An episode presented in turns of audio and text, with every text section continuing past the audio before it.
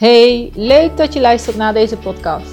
Jouw bron van inspiratie en positiviteit rondom bevallen. Als tegenhanger van de vaak minder fijne bevallingsverhalen die je hoort en onbewust met je meeneemt. De podcast is een verzameling van mooie bevallingsverhalen en gesprekken, waarbij het gaat over het belang van vertrouwen in jezelf, vertrouwen in je lichaam en het bevallingsproces. Hoe je in je eigen kracht kan staan, de invloed van een positieve mindset en samenwerking met je partner en het medische team. Bevallen de Sunnyside.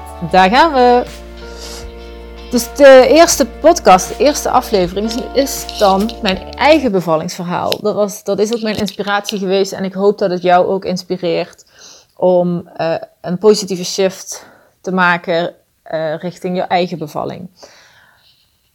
Ik ben de 17 juli 2018 bevallen van Lauren en ik heb me maandenlang uh, voorbereid mentaal op die bevalling. Ik had uh, heel snel zoiets. Ik wil uh, thuis bevallen. Daar voel ik me veilig. Daar voel ik me safe.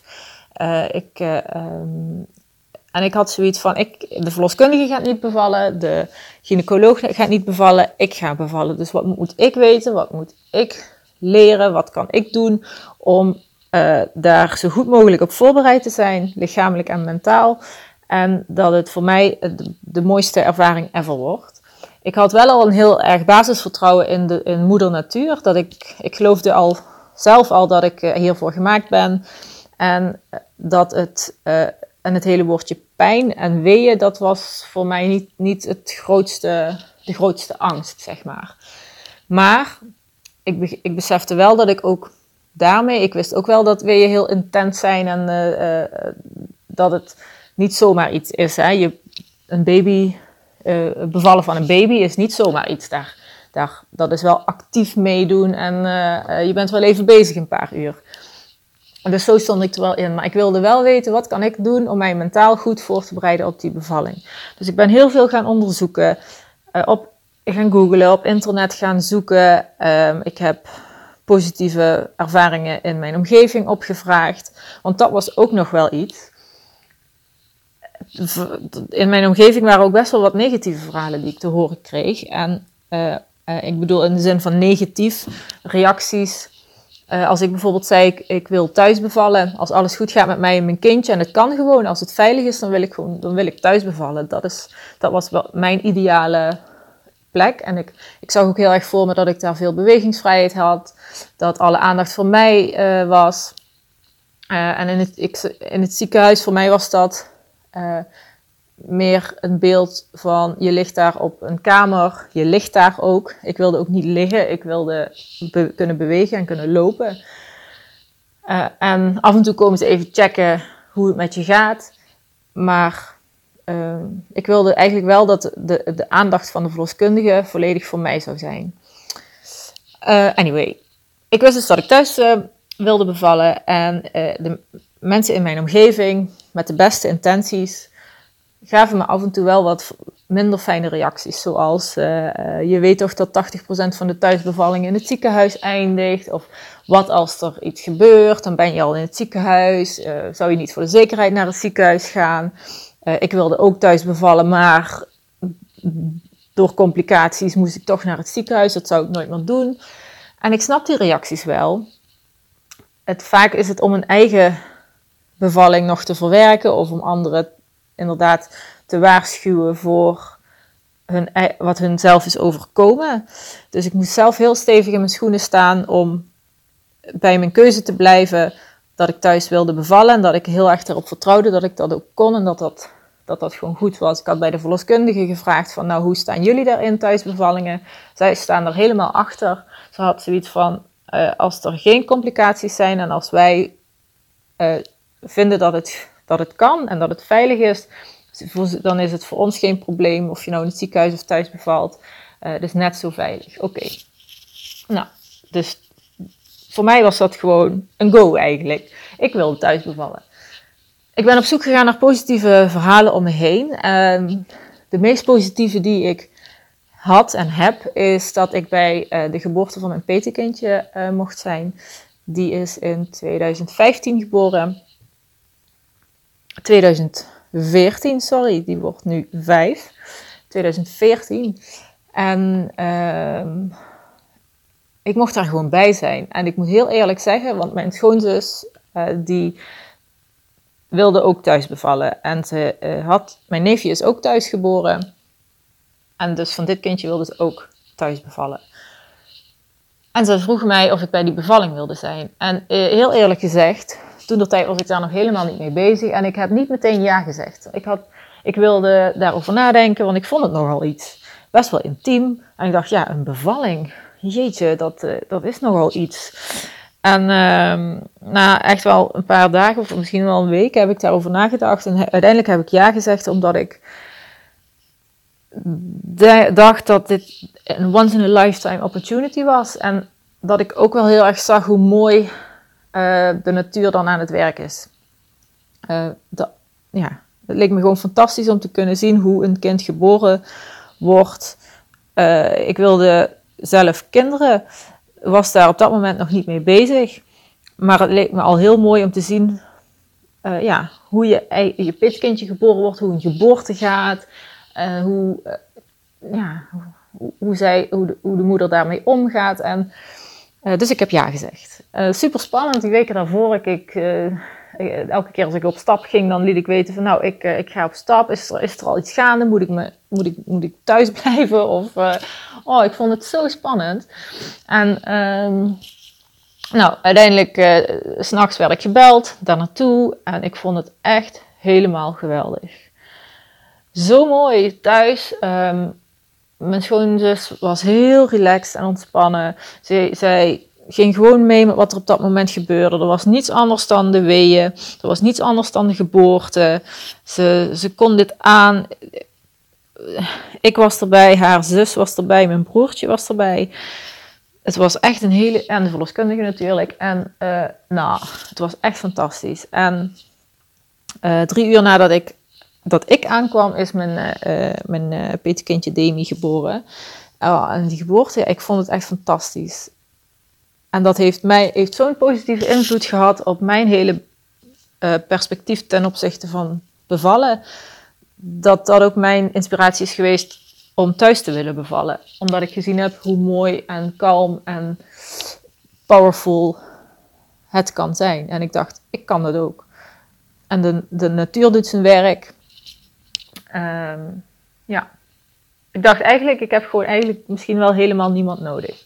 Dus dat was mijn meest positieve verhaal en ervaring die ik uh, uh, heb mogen beleven. En daar ben ik echt heel blij mee. En heel dankbaar voor.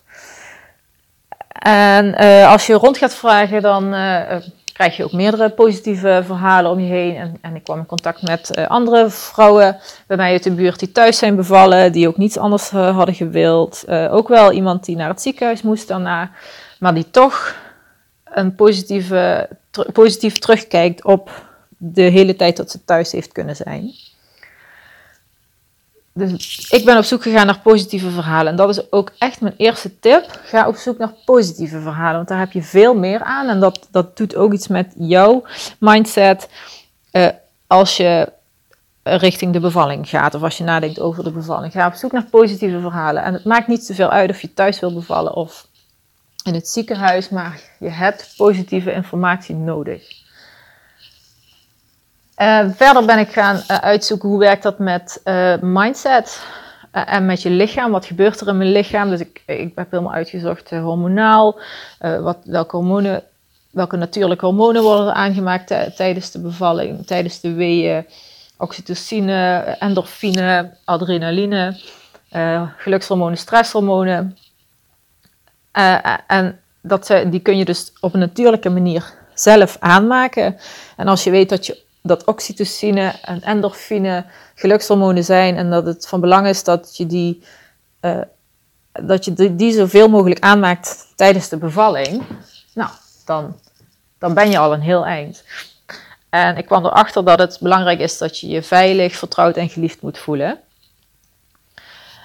En toen ben ik rondom die drie items ben ik gaan kijken, oké, wanneer voel ik me het meest vertrouwd, veilig en geliefd? Nou, dat was voor mij nog steeds thuis. Uh, en maar hoe thuis, hoe dan, zeg maar. Ik wilde bewegingsvrijheid, ik wilde uh, meditatiemuziek, ik wilde een donkere ruimte. En eh, ik heb nog nagedacht over een badbevalling. Uiteindelijk heb ik dat niet gedaan, omdat mijn vriend daar niet zo. Dat nou, hij stond er wel positief tegenover, maar hij zag dat ook als een last voor hem, zeg maar. Hij overzag niet hoe zo'n bad eruit ziet en, en wat als het gaat lekken. En dan moet hij dat opruimen. En hij wil ook kunnen genieten van, van die periode en die momenten dat, dat ik ja, aan bevallen ben en dat het kindje geboren is. Het leverde hem meer stress op en voor mij was het niet echt een must. Uh, dus we hebben uiteindelijk niet gekozen voor een badbevalling, maar het was wel een overweging uh, dat ik, die ik af, die naast uh, veilig, vertrouwd en geliefd neer heb gelegd. En dat was uiteindelijk ook helemaal prima. dat. Nou ja, en, en puntje bij paaltje, uiteindelijk ben ik heel veel gaan visualiseren. Ik was op dat moment uh, bezig met Kim Munnekom. Zij uh, is uh, een life en business coach en werkt met de wet van aantrekking. En ik geloof heel erg dat als je iets voor je ziet en op een positieve manier visualiseert, dan ga je dat ook aantrekken. Dus ik heb ook mijn ideale bevalling gevisualiseerd. Wekenlang, al was het vijf minuten per dag. Ik heb vijf minuten per dag gevisualiseerd hoe, hoe ik me voel tijdens de weeën, hoe ik de weeën opving, hoe ik uh, liep, waar ik, of ik zat of lag. Of, of uh, um, ik heb zelfs mijn ideale verloskundige, die, die ik het liefst erbij had gehad, die, die zat helemaal in mijn visualisatie erbij. Uh, en uiteindelijk is dat ook gebeurd. Die verloskundige had gewoon dienst op het moment dat ik weeën had en uh, ging bevallen. Hoe, nou, dat vond ik zo fantastisch, want ik, uh, toen zij aan de deur stond, s ochtends, de weeën begonnen om drie uur s ochtends. Het waren een beetje lichte krampen, want over het algemeen bouwen weeën zich in kracht op. Um, eerst dacht ik nog dat ik ziek was, want ik moest best wel overgeven na elke wee. En ik dacht, heb ik nou buikgriep of zijn dit weeën? En om acht uur s ochtends uh, werd de nachtdienst afgewisseld door de, de dagdienst. En zij zou de, die verloskundige zou bij mij even langskomen om te checken van heeft ze, heb ik ontsluiting of niet. En uh, ze belt aan, doet de deur open, ik hoor beneden de stem en ik zeg, yes, Steffi, ik was zo blij. En, en, ik dacht van, nou, dit is niet te geloven. Dat heb ik gewoon uh, zo voor me gezien dat zij erbij zou zijn en ze is er gewoon bij. En dat gaf me ook al meteen weer meer vertrouwen in het hele proces. Nou, dus zij uh, kwam bij mij kijken. Nou, ze heeft mijn ontsluiting gemeten, 5 centimeter ontsluiting. Jenny, dit zijn toch echt weeën? Oké. En vanaf dat moment had ik heel sterk, yes, ik kan nu eindelijk gaan toepassen wat ik al die maanden heb geleerd. Um, uh, ik, dat ik dit helemaal zelf kan doen samen met mijn kindje. Mijn kindje is ook heel hard aan het werk op dit moment. En wij, wij doen dit samen. Uh, dus ja, ik vond het eigenlijk, ik was eigenlijk super enthousiast. Ik, ik keek er ook heel erg naar uit en ik wist dat het pittig ging worden en het echt niet makkelijk is. En, en dat de weeën steeds krachtiger werden, want ik vroeg aan de verloskundige, die ging nog eh, visites lopen. En die zou drie, vier uur later terugkomen. En ik zei van, wat kan ik verwachten? En toen zei ze, ja, de weeën zullen in kracht toenemen. Oké, dan weet ik dat. Dus zij ging weg en ik uh, bleef achter uh, thuis natuurlijk. En ging door met waarmee ik bezig was. En eigenlijk heb ik niks. Ik, je hoort wel eens vrouwen die nog boodschappen gaan doen of naar een verjaardag gaan. Maar dat, had ik, dat wilde ik niet. Want ik wilde alles heel intens en bewust meemaken. Dus ik ben echt uh, alleen maar boven geweest. Uiteindelijk 11 uur lang. En de weeën namen inderdaad in kracht toe. Ik kon uh, ook niet liggen. Ik kon alleen maar zitten of hangen tegen de muur. En ik had geleerd om weeën niet op te tellen. Zo van, er komt weer een wee, maar om ze af te tellen. Oh, dat was weer een wee, een wee dichterbij de uh, geboorte van een kindje. Weeën zijn ook nodig. Hè? Het is ook niet voor niets dat je weeën hebt. Uh, zonder weeën is het een stuk lastiger om uh, te bevallen. Dus dat, had ik, dat zat heel sterk in mijn hoofd van... oh, nou ja, dit, dit, is een wee, dit hoort erbij. En dat was er weer een. En ik denk dat dat ook wel de reden is dat ik de bevalling als pijnloos ervaren heb vier uur later kwam de verloskundige terug en ik was, eh, ja, de weeën waren inderdaad eh, een heel stuk heftiger geworden. Toen kwam terug, toen had ik, uh, had ik volgens mij 7 centimeter ontsluiting. En toen vroeg ze, wil je dat ik blijf of dat ik nog even een paar uur visite ga lopen? En ik had er niet echt een reden voor, maar ik wilde dat ze bleef. En daarna ging het heel erg snel. Toen werden de weeën nog krachtiger. En ik weet nog dat ik eh, een wee had, een, toen dat ik persdrang kreeg en dat ik dat ook kon, kon benoemen. En toen zei ze van ga maar gewoon mee, doe maar wat je lichaam je, aangeeft. Ik had ook in mijn geboorteplan had ik gezegd, ik wil positief gecoacht worden en ik wil uh, ja, positief benaderd worden. Dus zij zei gelukkig van ga maar mee met wat je lichaam aangeeft. Uh, ik, ik, dacht, want ik had ook nog ergens gelezen, ik moet mijn persen inhouden, maar dat, dat was dus gelukkig niet. Uh, toen heb ik nog een tijdje op de baarkruk. Toen ik kon persen, toen heb ik op de baarkruk gezeten. En dat was op zich wel heel fijn, ook omdat uh, mijn vriend Rob achter me kon zitten om, om, mij te ondersteunen. Dus dan had je ook echt het gevoel dat je het samen deed. Ik denk dat hij zich wel, uh, hij was beneden aan het werk. En af en toe kwam hij naar boven even checken hoe het met me ging. Maar ja, ik was echt zo in mijn bevallingsroes. Ik had in principe niemand nodig. Het ging gewoon echt heel erg goed. Dus het was best wel, ja, misschien, hij voelde zich daar misschien wel uh, ongemakkelijk door of bij. En, omdat hij ook het idee had dat ik, dat ik pijn had, wat ik zo niet ervaren heb, ja, was het voor hem helemaal niet zo fijn om dat te zien. En ik heb heel veel theorieën uit de hypnobirthing heb ik uh, onderzocht en gelezen. Ik heb geen hypnobirthing cursus zelf gevolgd, maar ik kon die theorieën wel, wel toepassen, omdat ik daar denk ik al feeling voor heb en dat ik daar al veel zelf al jaren mee bezig ben met visualiseren en power of the mind, body-mind connectie. Uh, dat, uh, ja, what the mind believes, the body achieves, daar geloof ik heel erg in. Dat ik daarom het best wel zelf kon en, en eigenlijk niemand nodig had. Dus die baarkruk was heel fijn. Toen had ik hem wel echt nodig. Uh, en, en vanaf dat moment eigenlijk ook steeds. Want mm, dat is de enige tijd, enige moment geweest dat ik even dacht van, oh, wat de fuck is dit? Dat was tijdens het persen dat, hè, dat het hoofdje eruit moet. Die brandende pijn, dat ik daar niet doorheen durfde te gaan. Maar aan de andere kant had ik ook zoiets van, ik, ik pers zo lang mogelijk en zolang als het goed voelt en dan laat ik weer los. Want ik wilde meegaan met wat mijn lichaam me aangaf. Toen heb ik uiteindelijk een uur geperst. Uh, moesten mijn, vliezen waren nog niet gebroken. En toen stelde de verloskundige voor: Jenny, zullen we je vliezen breken? Dan gaat het allemaal wat sneller. En toen vroeg ik: Mag ik er even over nadenken? dat ik dat nog, want ik weet nog dat ik dacht: van, Oh mijn god, dat ik dat nog kan vragen. Ik kon bijna niet meer praten. Zo gefocust en zo naar binnen gekeerd was ik al. Zegt ze: Ja, tuurlijk. Nou, toen heb ik. Uh, toen dacht ik van, nou ja, ze zal het wel niet voor niets adviseren, heb ik ja gezegd. En, en, toen moest ik op bed gaan liggen. En echt op mijn rug liggen is, was zo vreselijk tijdens de weeën. Maar de vliezen werden gebroken tijdens een wee. En die wee zou heftiger worden. En ja, een verloskundige moet daar goed daarbij kunnen. En, uh, dus je moet op je rug liggen. En daarna zou ik wel weer kunnen gaan staan. Maar ik, dat, dat lukte me niet meer. Ik was helemaal... Uh, helemaal... Ja, ik denk ook wel, ik was al bijna tien uur bezig. Dus qua energie had ik zoiets, ik blijf lekker liggen, het gaat prima zo. En een uur later, met goed persen en doorpersen, uh, uh, wat ik zei, die, die brandende pijn, ik durfde daar dus niet doorheen te, te, duwen. En dat zag de verloskundige wel heel goed aan mij, want ik, ik praatte niet meer, kwam, ik, ik, met mij kon je niet meer communiceren in woorden, maar zij zag aan mij dat ik niet durfde en zei, Jenny, verstand op nul. En iets langer doorpersen dan dat je fijn vindt. En uh, uh, ja, ik weet niet, toen kwam er toch ook een kracht in mij naar boven en heb ik dat gedaan. En om vijf voor twee middags op 17 juli is, uh, is Lauren geboren. En oh, dat was zo fantastisch. Toen ze haar op mijn borst legde en mijn vriend erbij. Nou, ik dacht, what the fuck, hoe mooi is dit? En dat ik dit heb mogen meemaken.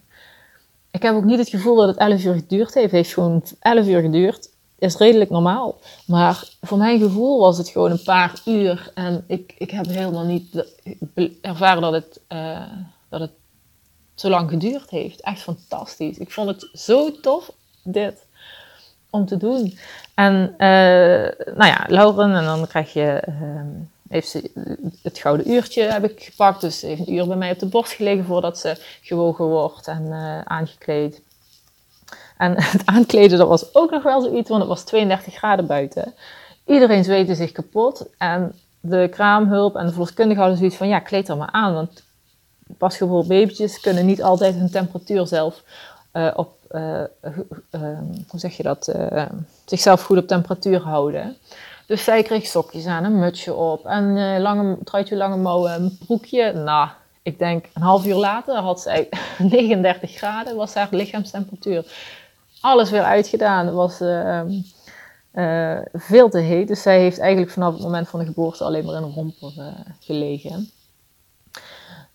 En nadat ik gedoucht was en weer lekker op bed lag, zei ik tegen de verloskundige, ik zou het zo weer doen. Ik vond het zo geweldig. En ja, en ik had heel sterk van, ik wil andere vrouwen helpen en inspireren om echt positiever over bevallen te zijn. En dat je gemaakt bent om te bevallen. Je moet misschien alleen even weten uh, hoe aan je angsten, aan je angsten werken en zorgen. Want ik, ik heb ze ook gehad en daar heb ik in die maanden daarvoor heb ik daar ook aan gewerkt. Um, maar het kan. Je kunt echt, je kunt je kunt echt zo'n mooie en positieve bevalling hebben als je je mentaal goed voorbereidt. En ik denk ook als er complicaties zijn of als het niet gaat zoals, het, zoals je het voor je ziet, dat je vertrouwen kunt hebben in het medische team om je heen. Um, ik wilde bijvoorbeeld ook niet dat mijn vliezen doorgeprikt zouden worden. Ik wilde zo natuurlijk mogelijk bevallen. Uh, maar ik kijk daar niet negatief op terug. Ik vind het jammer, maar mijn algehele, mijn overheersende beleving is dat het echt een fantastisch, fantastische beleving is geweest. Die hele, echt van de eerste week tot aan haar geboorte en ja, nu nog steeds natuurlijk, maar die hele bevalling echt fantastisch. Ja, dus ik, uh, ik vertel er ook heel graag over, juist om positief te inspireren. Ik hoop dat het jou ook inspireert op de een of andere manier ik, uh, ja, ik zou het leuk vinden om iets van je te horen als, uh, als, je, als je geïnspireerd bent of als je nu zwanger bent en denkt, hey, wat fijn om, om, om dit verhaal een keer te horen, van deze kant, het van deze kant belicht te hebben. Misschien wil je meer weten over hypnobirthing of, um, of de manier hoe ik me, waarop ik het, heb aangepakt of hoe ik me voorbereid heb. Um, maar vooral wil ik zeggen, spread the positivity over geboorte. Het, uh, het is een, een, Je mag trots zijn op je lichaam. Je lichaam kan dit. En ook als je een keizersneebevalling zou hebben. Is, dat is ook een bevalling. En die kan ook heel erg mooi zijn. Maar het is maar net hoe sta je daar zelf in. En wat doe jij aan mentale voorbereiding om, uh, het, een zo, ja, om het een zo positief mogelijke bevalling te laten zijn. Ga je binnenkort bevallen, heel veel plezier als het nog kan, bereid je mentaal voor. Positieve, uh, zoek naar positieve verhalen. Als je deze podcast geluisterd hebt, dan is dit hopelijk, is dit er al eentje hopelijk.